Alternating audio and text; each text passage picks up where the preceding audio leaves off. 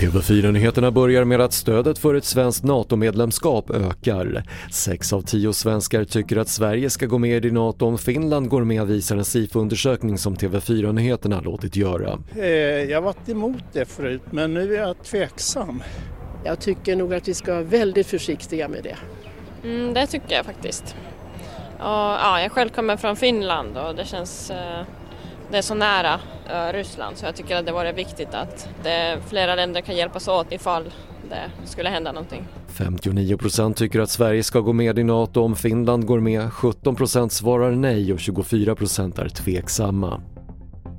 Ukrainas president Volodymyr Zelensky uppmanar människor världen över att gå ut och protestera mot kriget idag för att markera att det nu har gått en månad sedan Rysslands invasion. Zelensky kommer senare idag att via länk tala inför Sveriges riksdag. Och brittiska prinsparet William och Kate som är på turné i Karibien bjöds på ett kyligt besked på Jamaica. Landets premiärminister menar att Jamaica som blev självständigt 1962 kan vara på väg att lämna det brittiska samväldet och bli en republik. Fler nyheter hittar du på TV4.se. Jag heter Patrik Lindström.